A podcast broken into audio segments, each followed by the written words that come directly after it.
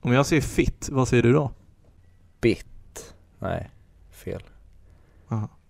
Jag sökte, Skulle sta- vår nya sponsor Fitbit, det är så vi börjar. ja. Om du säger fit, då säger jag bit. Jag kom på att fit kan ju också låta som ordet fit. Jag menar med fit acast. Ja, du menar som det kvinnliga könet när man använder det som ett skällsord. Exakt. Ja, de har ju betett sig eh, illa. Vi har ju eh, fått varningar om att man inte får använda musik som ägs av någon annan i våran podcast och det gör ju oss riktigt förbannade. För att eh, vi har ju med filmmusik i varandra avsnitt. Ja, jag måste ju kolla upp det där nu för jag är nästan säker på att det är att om vi inte använder det i vinstdrivande syften eller försöker tjäna pengar på det och inte använder ens hela låten så ska det inte vara några problem. Och jag tycker det är ännu mer märkligt när vi använder filmmusik dessutom och att vi gör reklam för filmen. Så, men copyright-reglerna är ju helt bakom flötet om du frågar mig. Det jobbiga är ju bara att det kanske finns en möjlighet för att vi skulle klara oss i en eventuell rättegång. Det är ju bara rädslan för att hamna där och eventuellt bli stämd av typ Universal eller någonting. Ja, och alla vet ju att när det är amerikanska filmer som är på G, då kommer det tio advokater som bara gör allt de kan för att dra ut på tiden. Och Ja. suger pengar ut oss. Det är alltså, rättegången är inte längre ett fall av rätt och fel. Det är ju bara liksom vem har mest resurser och kan utnyttja alla kryphål som finns i lagen. Mm. Nej, det var en grej som jag blev helt mindblown av när jag växte upp. För då trodde jag det bara var en fråga om att ja, men du har en advokat och motståndaren har en advokat och sen är det den som lägger fram best case. Och sen fick man reda på den grejen som du säger att nej, de som har mest pengar, de kan bara anställa människor, människor som är sjukt duktiga på att förhala och skjuta upp och bara se till att den andra sidan får slut på pengar och blir helt både emotionellt och eh, ekonomiskt eh, ruin Så är det ju i en serie som jag börjar kolla på. I Silicon Valley. Det har man ett Mm. sånt typexempel. Mm. det mer eller mindre är att nu, nu ska vi stämma dem här. Så nu kollar vi, vi stämmer dem och sen börjar vi leta efter saker hur vi kan stämma dem. Och sen börjar de hitta på och manipulera saker för att varför den här stämningen ska, ska fungera bättre. Och, eller ja, olika saker som gör att det kan komma till, till deras sida. Hela stämningsprocessen och hur dom, domen och juryn avgör vilka som har rätt. Sen, det är ju också en komedishow, så det är ju inte jätteaccurate, men det finns ju det här, äh, vad fan heter det, när de fördröjer i, bland annat i kongressen i USA. Eh, filibuster kallas det. det. Det är någon som har stått och, alltså för, och så länge de håller tal eller vad fan det är, så kan de fördröja att vissa lagar, vissa saker ska röstas igenom och, och liknande. Det, folk har gjort det kanske en vecka sträck. Bara tagit upp tid för att fördröja saker och hålla på sådär. De har så jävla mycket konstiga liksom kryphål i USA. Grej, alltså spelet är ju riggat. Ja, tyvärr är det ju så. Det blir ju lätt så. Så Acast, snälla om ni hör det här, då kan ni vara lite schyssta och eh, lösa det åt oss. Ja, alternativt så klipper vi om alla avsnitt och så gör vi istället att du och jag sjunger eller nynnar alla låtar. Mm. Eller så gör vi bara en sång hur mycket vi hatar Acast och klipper in den istället. Jag lägger in. Så att folk som inte, folk börjar lyssna på avsnitt 100, det enda de hör i första avsnittet är bara Fuck Acast, fuck Acast. Jag gillar dock nynna-grejen. Så det är pl- bra pl- plan med. Kör vi.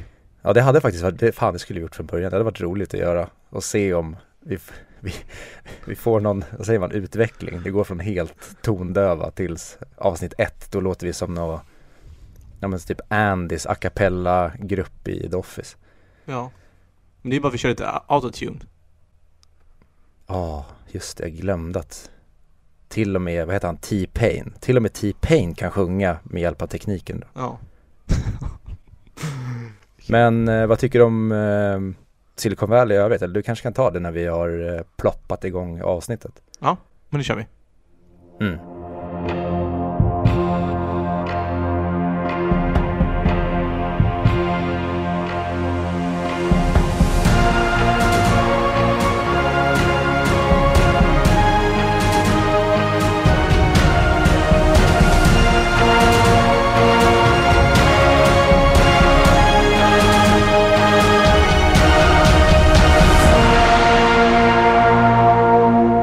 Hej och välkomna till 100 Mic Podcast, podcasten som pratar upp IMDBs topp 100-lista men inte Charlie Chaplin. Verkligen inte Charlie Chaplin. Precis.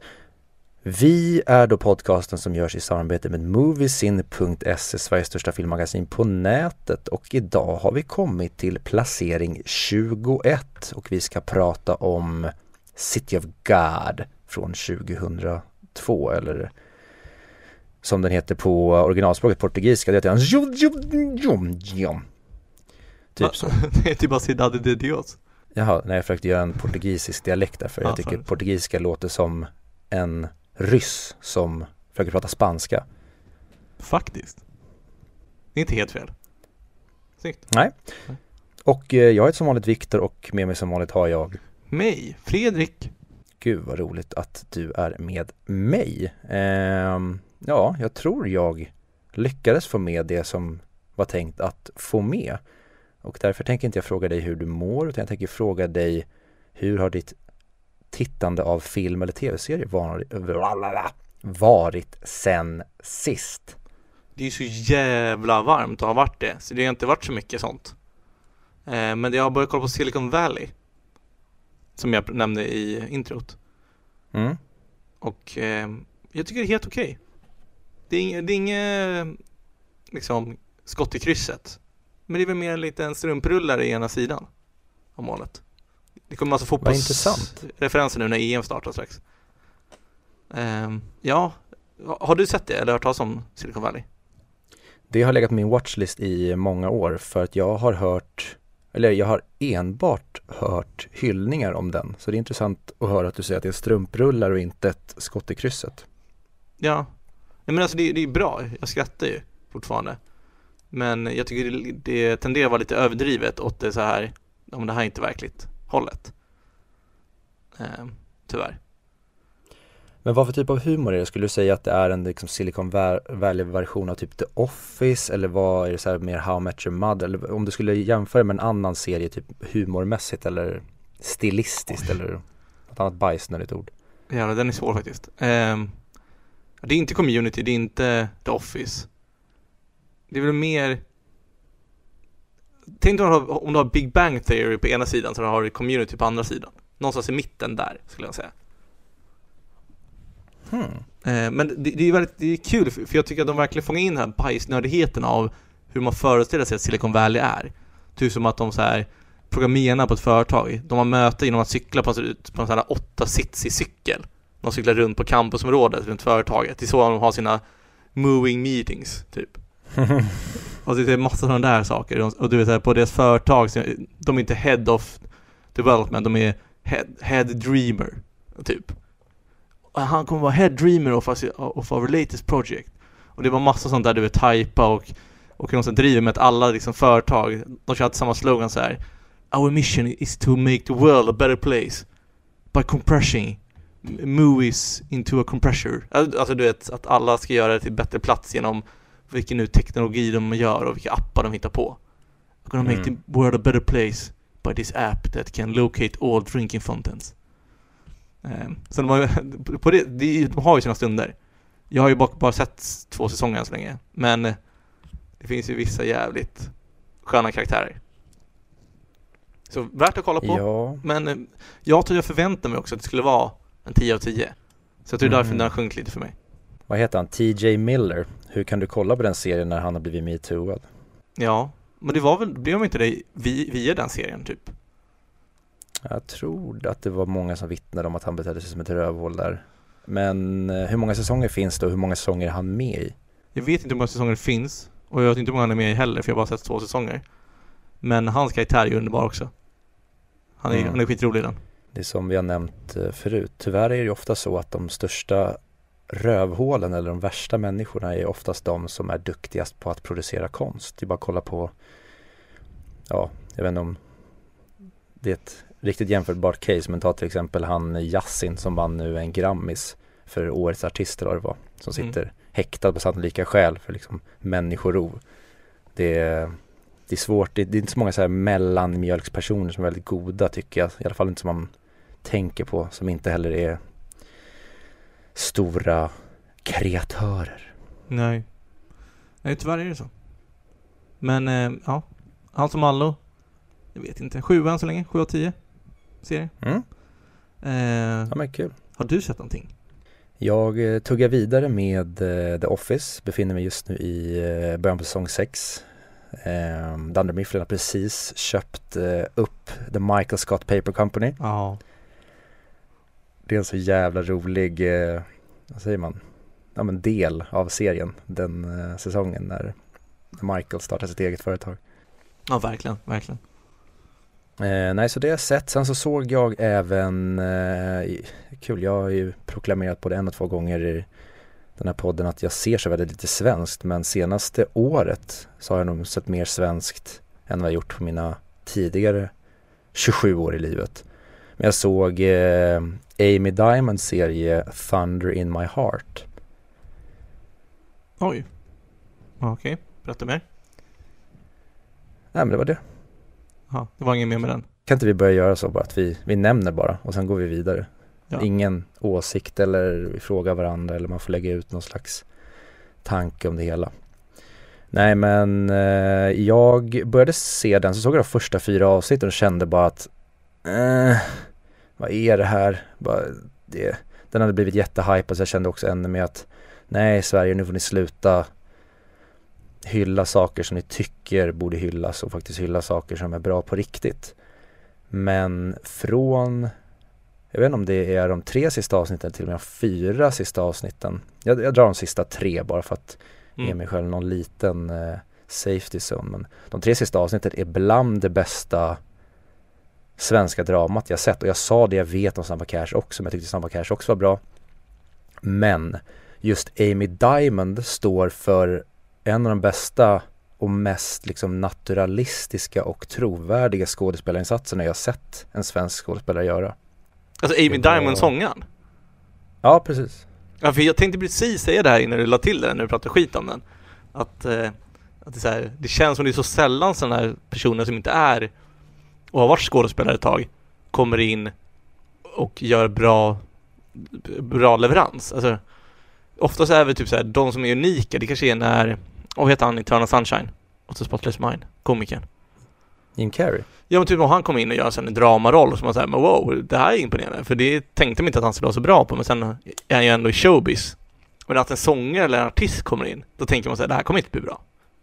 Alltså Justin Bieber kommer inte göra bra framträdande om han skulle vara skådespelare plötsligt. och jag har svårt att se så många som hade gjort det. Jag menar, Justin Timberlake är ju ingen superskådespelare heller. Han är ju stabil, kanske. Men så det är coolt om Amy Diamonds ju som man ändå in, alltså ser henne hör man inte talas om så mycket längre. Att hon kommer in och gör ett bra framträdande. Coolt. Mm. Nej, det är jättekul ska jag inte säga. Det påverkar inte mig så mycket. Men det är roligt som du säger när det är en, en barnartist som sen, för hon har även skrivit serien Mm. och regisserar ett par avsnitt. Kommer in och gör en, ja men, dunderproduktion tycker jag. Det, det är inte en serie som direkt har någon tydlig handling. Så vill man se liksom ett, en startpunkt och ett slut så är kanske inte den ser, kanske inte det är serien för dig. Men några av scenerna när hon spelar eh, mot då Gustav Hammarsten som spelar hennes pappa är bland det mest påtagliga jag sett på svensk skådespelarnivå. Oj. Det känns inte som att någon av dem skådespelar fem öre. Det känns bara som att det är två personer som är i the moment och verkligen känner som de känner. Ja, fan coolt. Imponerad. Mm. Så den kan jag rekommendera för er som gillar eh, svenskt och gillar, eh, vad säger man, naturalistiskt skådespel. Där ser man. Eh, men om vi säger så här, vad, vad har du som, som härnäst, som är högst upp på din bucket list? Vad har du härnäst som du verkligen känner så här, det här vill jag sätta igång och kolla på? Jag är ju mitt i och kollar på Halston med Joe McGregor. Mm. Men jag har bara sett fyra avsnitt men hittills är det svinbra. Men jag vill vänta med att ge The Judgment innan jag sett eh, klart det. Men jag har även pushat för min flickvän att vi ska se Californication, en serie som jag är ett jättestort fan av. Men som eh, hon tycker känns, eh, känns bara som att han ligger med massa snubb, eller massa, massa snubbar, nej. känns bara som att han ligger med massa brudar hela tiden och det är bara därför man vill se den. Mm. Och så är det nej, Två av de absolut bästa kvinnokaraktärerna porträtteras i den serien och eh, vi får se en trasig individ slitas mellan eh, familjen och eh, självdestruktivitet. Mm. Och en av de bästa scenerna någonsin finns i den. När Karen står utanför någon sån gala de har varit på. Och det ser lite ledsen ut så kommer Hank Moody fram och frågar sig vad som har hänt. Och då så här, innan så har, så har man sett att hon har typ småtjafsat med en douchebag där inne som typ sp som spillde champagne på henne eller vad det var. Och då hade han sagt till hennes nuvarande pojkvän liksom, han gjorde det där. Och, och sen kallar mig kant.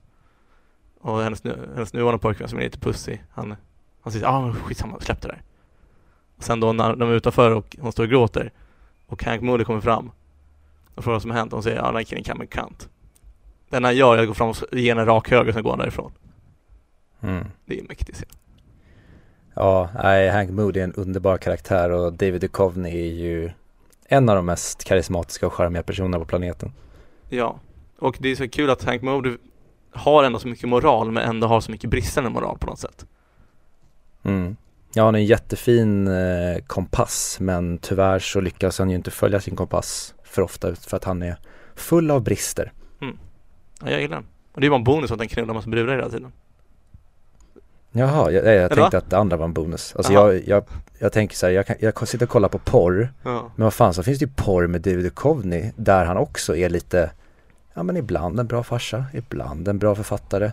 Men det är framförallt porr jag är där för. Mm. Så vill ni locka in mig, då gäller det bara, gör en porrfilm och sen så, ja men tänk typ Christopher Nolan gör en porrfilm.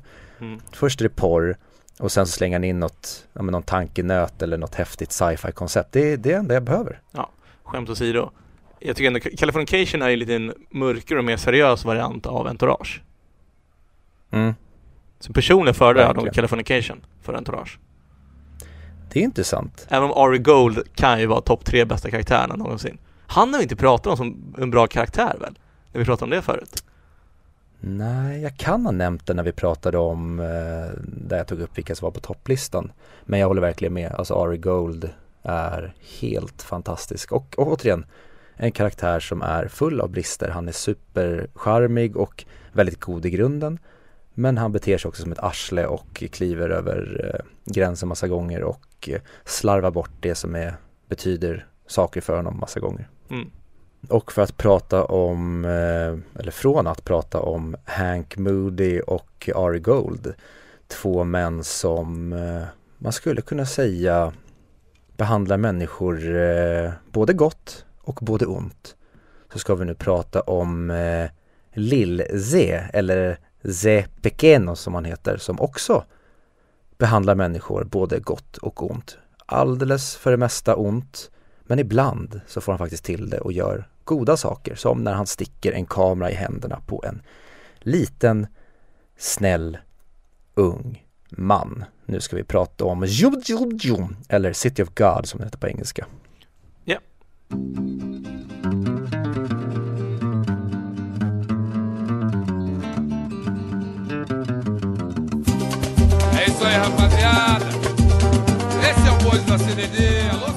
Och ännu en gång, mot alla odds, så har vi tagit oss hela vägen fram till veckans film.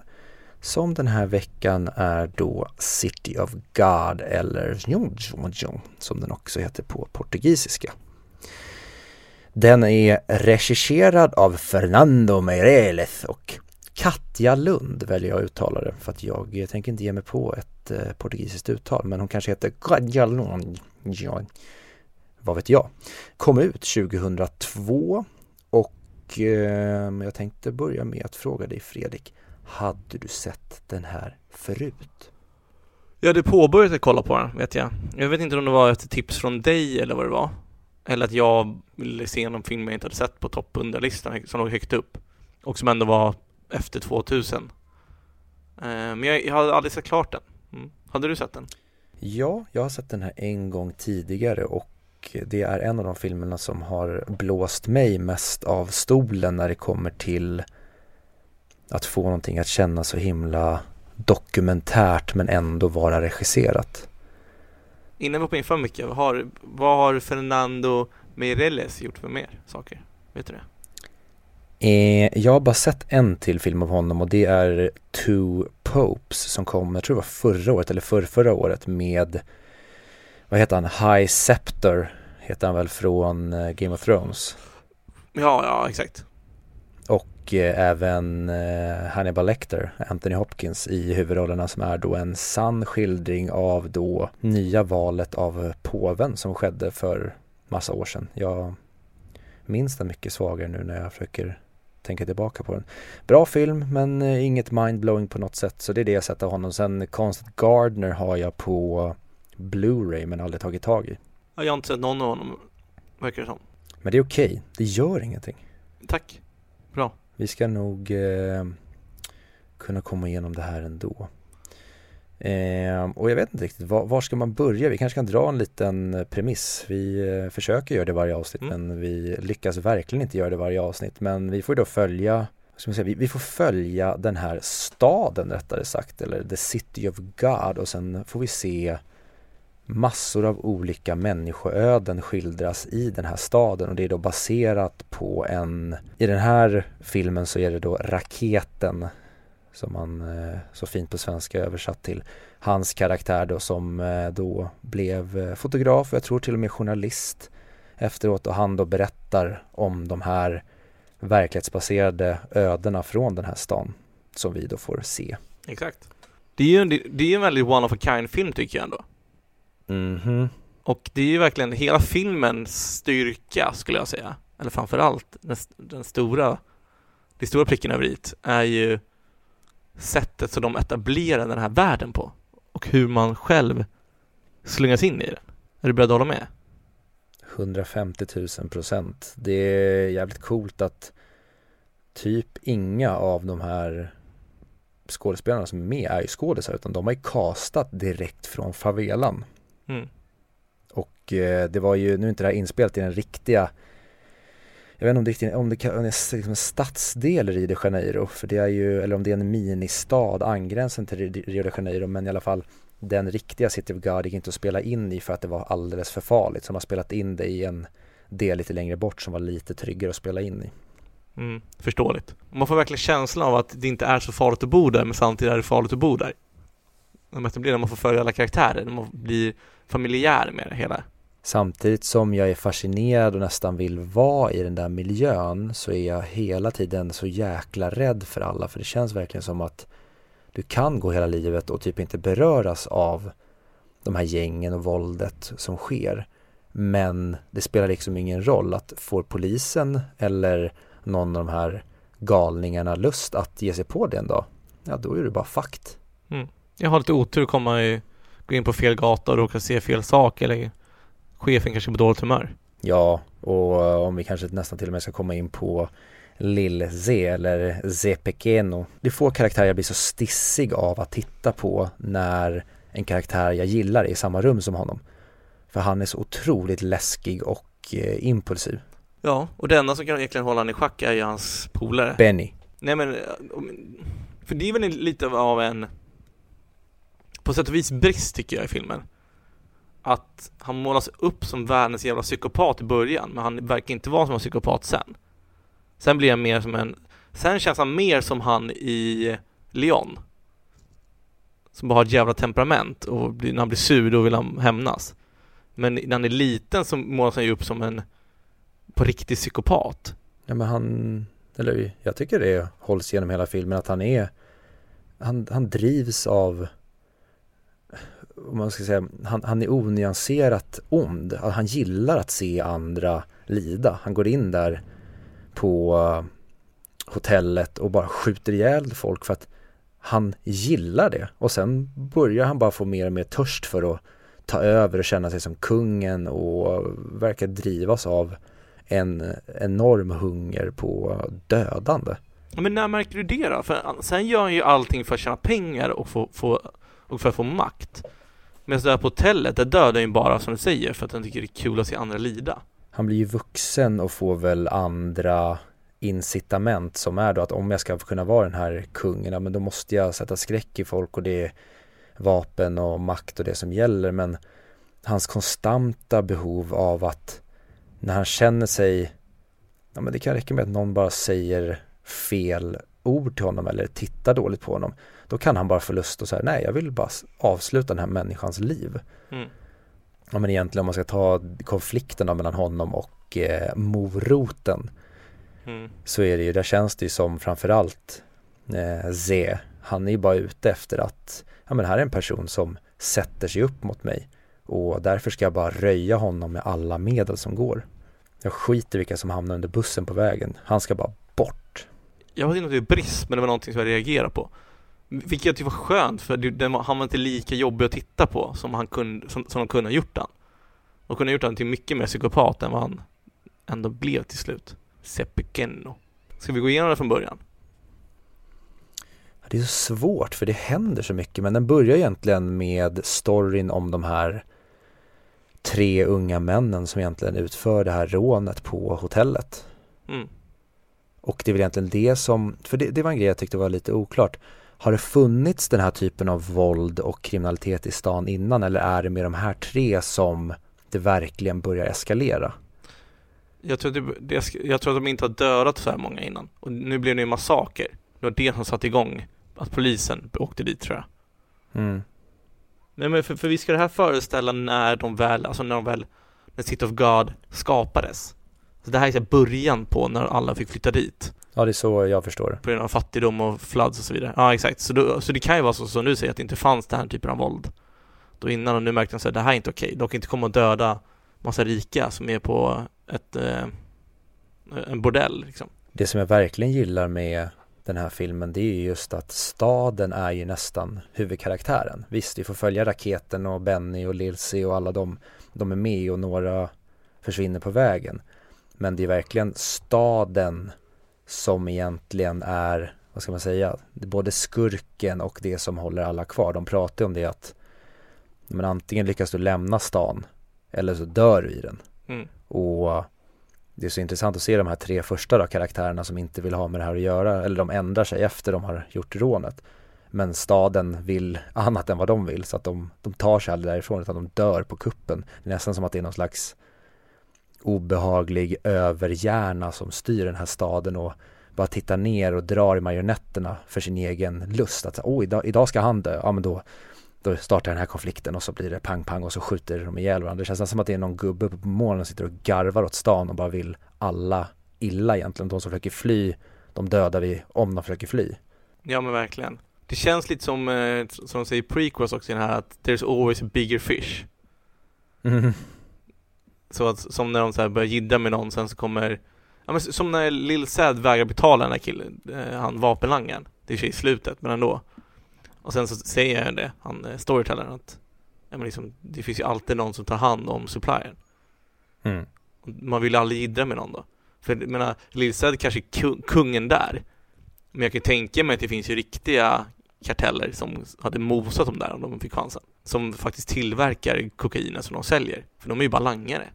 Jag tycker det är så häftigt att ja, men just i filmen Raketen är ju det han som han är ju undantaget eh, till regeln att alla blir kvar där eller dör där men han lyckas ju faktiskt ta sig ut Mm.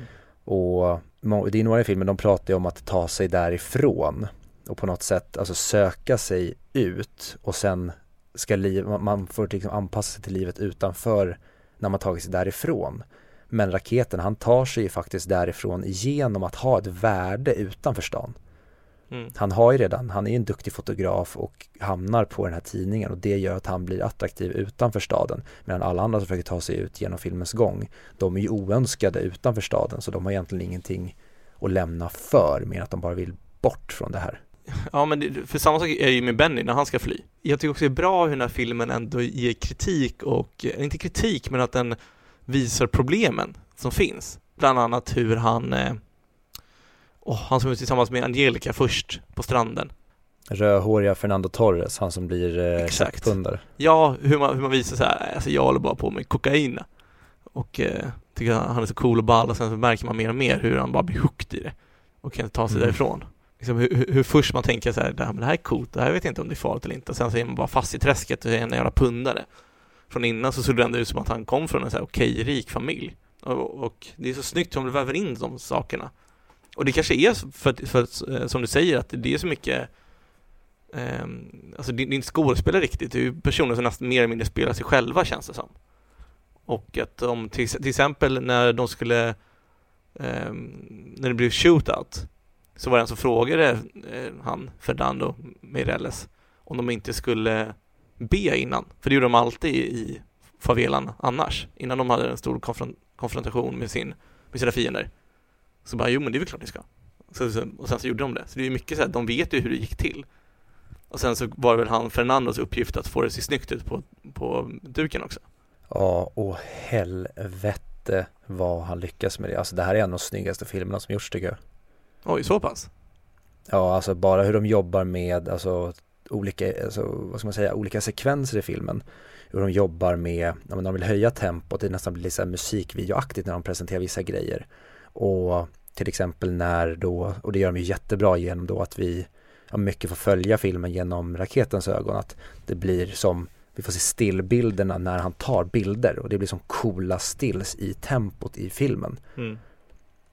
Och alla olika vinklar som, alltså den är otroligt ambitiöst fotad och ändå ser den nästan ut att vara som en dokumentär. Mm. För den ser så otroligt skitig ut och bara svetten och smutsen. Det är, jag tror inte att den här filmen hade flugit ens på långa vägar om de haft något mer glamoröst Hollywoodigt foto utan det är just att det ser så, brist på bättre ord, B-looking foto. Mm. Mm. Sen såklart, det är, det är en annan grej att kolla på Hoyte van Hoytemas foto typ i Christopher Nolan-filmer att det är mer cleant och ser väldigt dyrt och häftigt ut på det sättet. Men här, jag älskar när du får saker att se skitigt och fult ut med mening. Och det är det jag menar med att det är en av de snyggaste filmerna som gjorts. Den gör det den vill göra och den gör den så snuskigt jävla bra. Ja, verkligen.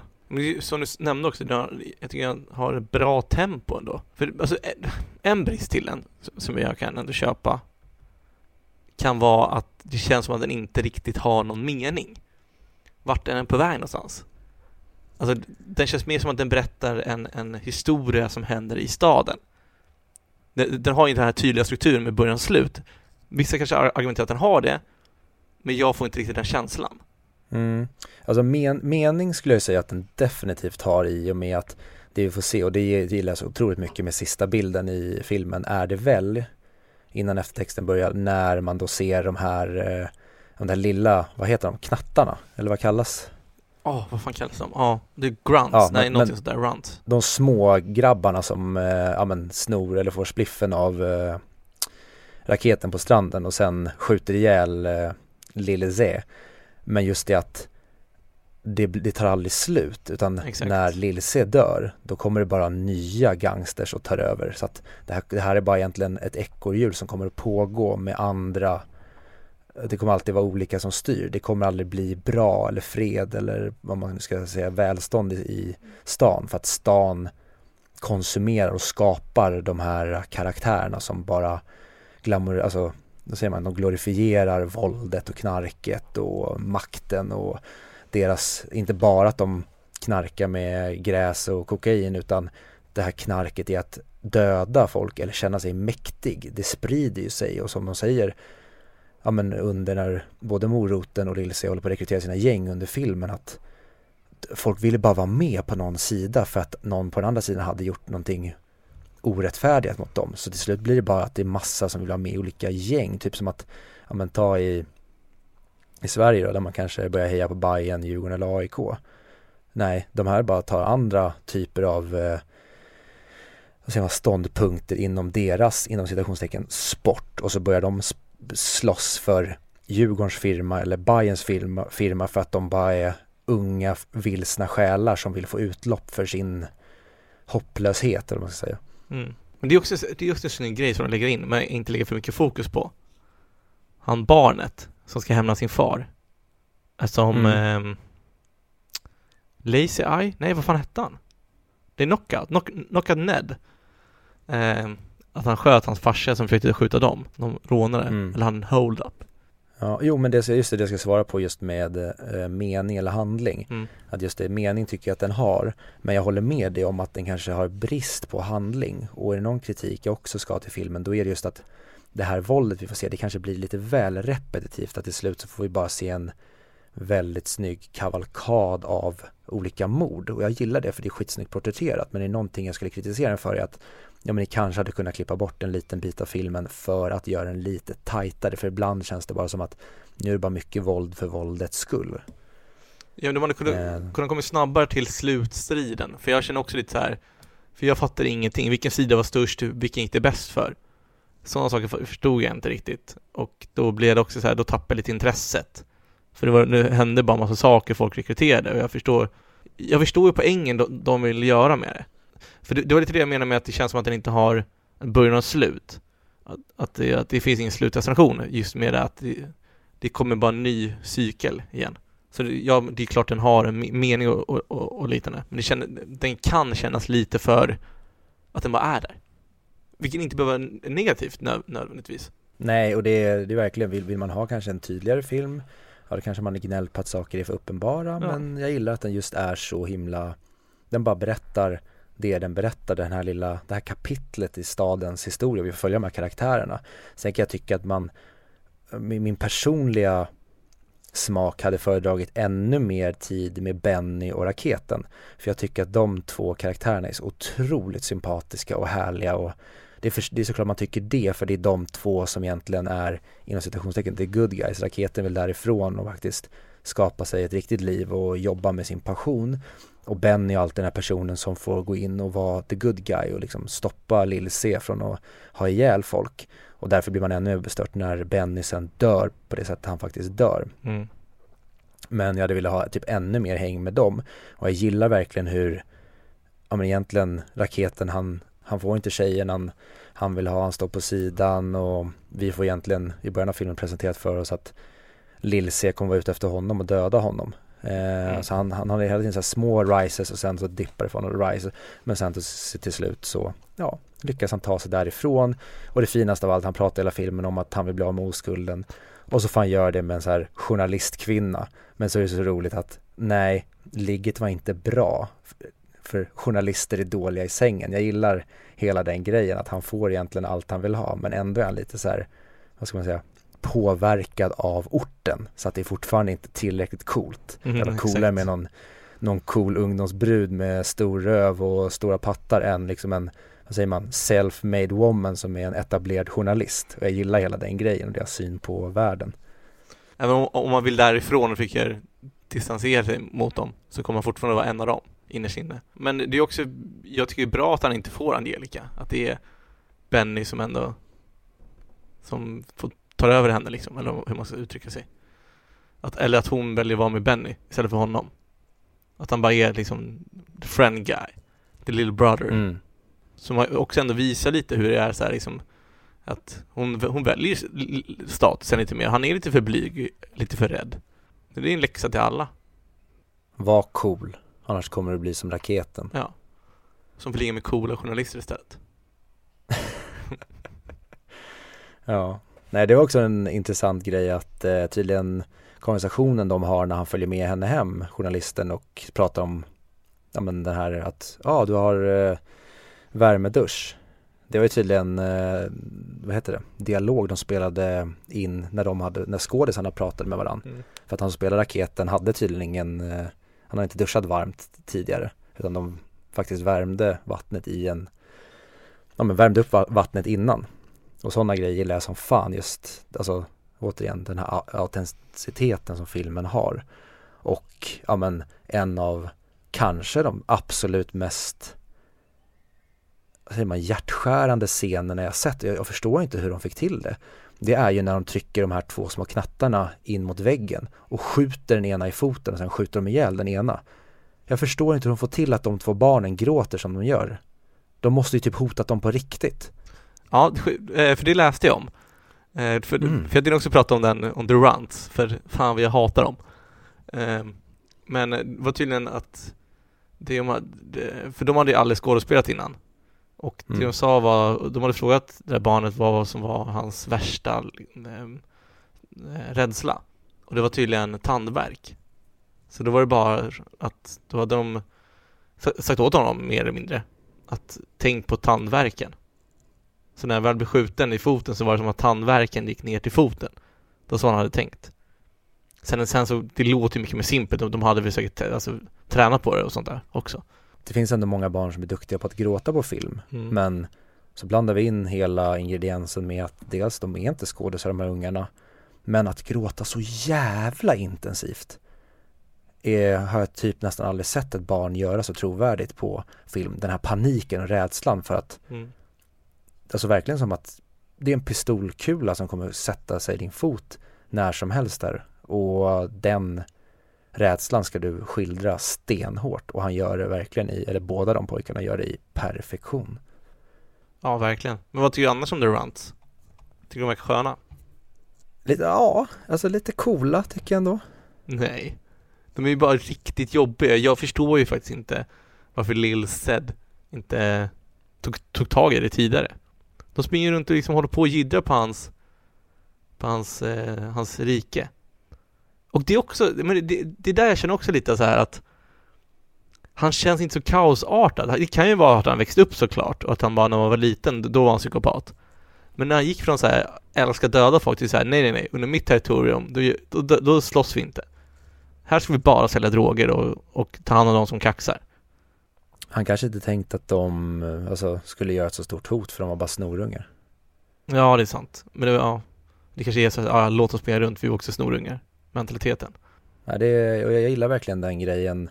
Det måste väl också vara en del av hela poängen med filmen, det här med att underskatta egentligen ingen, för du vet inte vem det är som kommer skjuta dig, precis som när fenan blir knäppt av den här pojken som vill hämnas. Mm.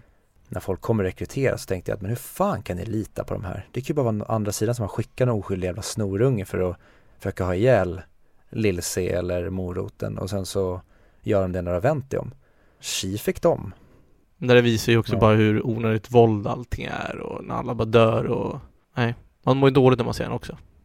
Ibland kan man ju vara lite att ja, man läser till höger och vänster om den ökande kriminaliteten och gängvåldet och det i Sverige. Men när man ser en sån här film så förstår man att eh, vi är inte ens på samma planet. Nej. Ja, men om vi tar till exempel i Irland, när de hade jättemycket problem med katolikerna versus protestanterna eller vad det var. Mm. Och sen börjar polisen bli stenhård. Mot, för, att, för, att få, ner- för att få ner allt våld. Så blir det så stenhårda, högre bestraffningar och de bara börjar slå kriminella och liknande. Det ledde ju bara till mer ex, extremism och att IRA skapades och liknande. Mm. För att när, när befolkningen tappar förtroendet till rättsstaten då blir det bara, men fuck it, nu kör vi. Och det känns som att sånt, det är så väldigt lätt att tänka kanske i den här favelan eller i Sverige eller vad som helst att nu jävlar ska vi vara hårdare, mer bestraffning så sätter vi stopp för det, här, då kommer folk bli rädda. Nej, nej, nej, alltså det kommer bli tvärtom. Då kommer folk ha mer respekt för polisen och det kommer bli värre. För det, ja, nu ser inte jag har, att jag har någon jävla lösning på hur man ska lösa favelas i, i Brasilien. På något sätt kan jag förstå poliserna som blir korrupta och känner att ja, varje man för, för sig själv. Jag kan förstå att man kanske vill ha en lillsed som styr området för att slippa alla gängskjutningar och liknande. Att det är så här, okej, han kanske inte är perfekt konung, men vi låter honom vara konung här för han håller i alla fall freden. Lite som Saddam Hussein var i Irak för vissa. Har jag hört. Jag har inte upplevt det. Nej, jag har inte upplevt det. Nej, okej. Nej, men jag, jag håller absolut med.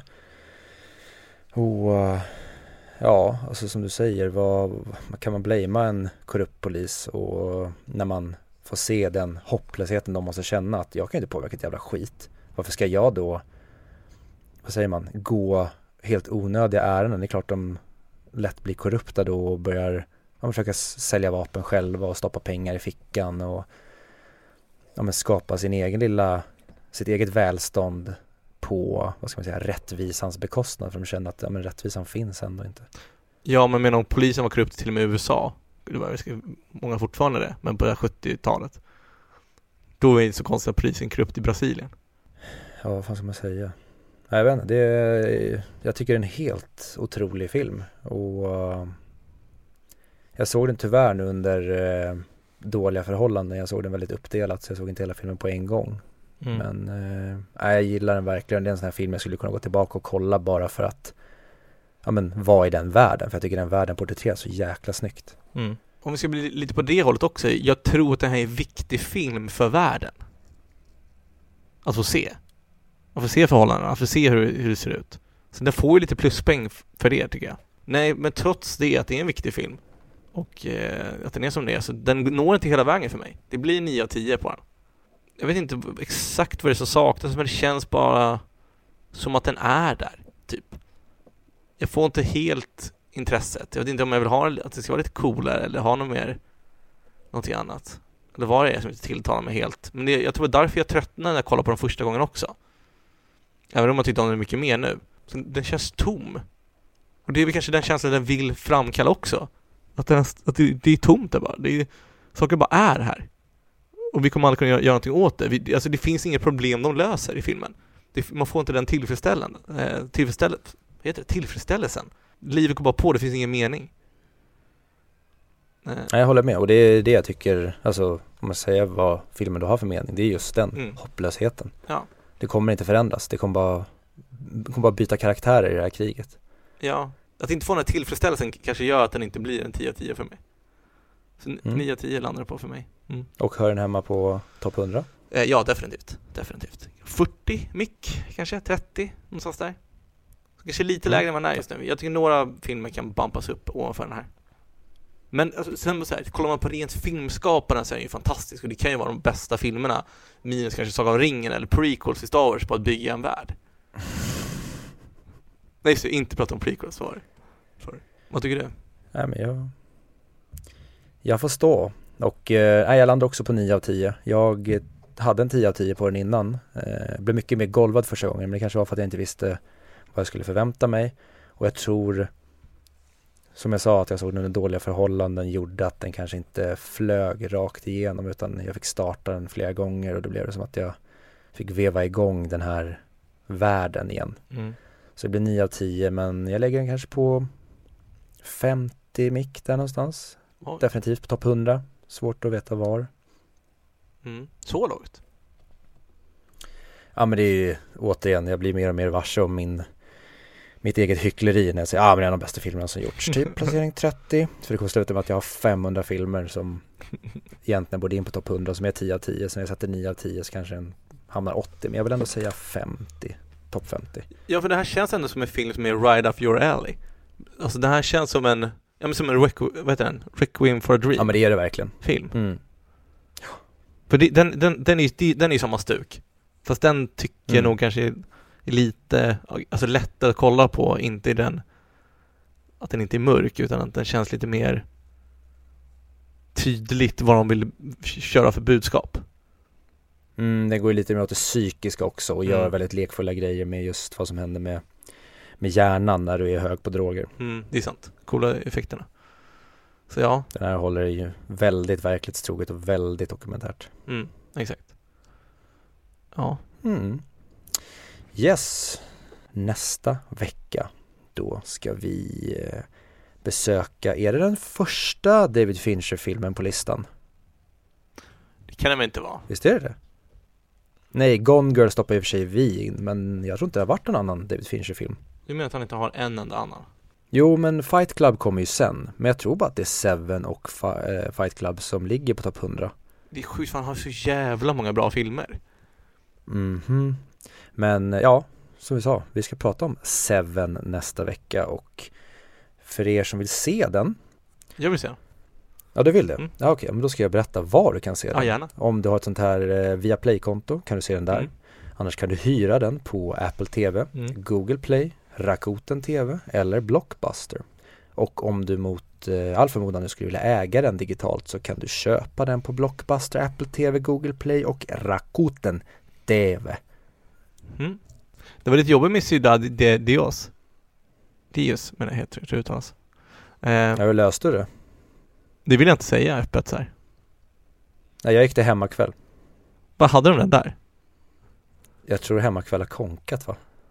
Nej nej, hemmakväll kör ju godis nu för tiden, kommer jag på. De har inga filmer längre. Bara? Ja, jag tror det. De, eh, deras nya koncept är att de kör så här as mycket gott godis att välja mellan. Och massa typ andra alltså, godissaker. Det är en riktig godisaffär nu. Mhm. Eh, tror jag var en bra idé. För jag tror inte DVD leder kvar. Nej, det gäller ju att adaptera annars går man under. A.k.a. Kodak. Visst fan var det var det Netflix som skulle köpa Blockbuster eller var det Blockbuster som skulle köpa Netflix? Det var ju något sånt där. Eh, eller om det var typ någon annan stor kedja i USA. Men det var ju någon Mm. klassisk stor typ eh, videouthyrningstjänst i, eller butik i USA som gick under där i samma veva som streamingen kom för att de inte var intresserade av och Jo men jag tror att det fan var Blockbuster va som sen typ kaosade Men de, de finns ju igen uppenbarligen men i, eh, jag vet inte varför jag sitter och berättar en anekdot här som jag uppenbarligen inte kan ett jävla skit om. Jag får kolla upp detaljerna kring det där en annan gång och Ja. Berätta. Perfekt. Och eh, som vanligt följ oss på våra sociala medier. Vi heter 100mic 100micc eller 100mic podcast. Vi finns på Facebook, Instagram, Twitter och sen har vi Gmail där vi heter 100micpodcast@gmail.com. Vi har inte Google Plus eller vad det heter, om det ens finns fortfarande. Det skulle konkurrera ut Facebook. Aj, aj, aj. Det var många som fick kicken efter det uppdraget tror jag. Det gick Mhm. fan inte bra. Eh, och lägg gärna en eh, recension, en review eller skicka in någon, någon eh, rolig fråga som vi kan diskutera. Ja, det skulle göra oss mycket, mycket glada. Mm. Men då eh, hörs vi nästa vecka då där vi ska hitta eh, kära huvud för att det är en snuskig gubbe som har stoppat det där. Otrolig Spoiler. spoiler, om någon inte har sett Seven. Det här är det sjukaste. Jag bara förutsätter att alla sett Seven men det har ju folk inte. Nej, trist att få reda på den liksom. Okej jag säger så här istället. What's in the box? Ja, den är bättre. What's in the box? Så, nu har jag inte spoilat det. Nej, bra. Vi, Ja, vi, vi hörs nästa det vecka. gör vi. Hej hej. Hej hej.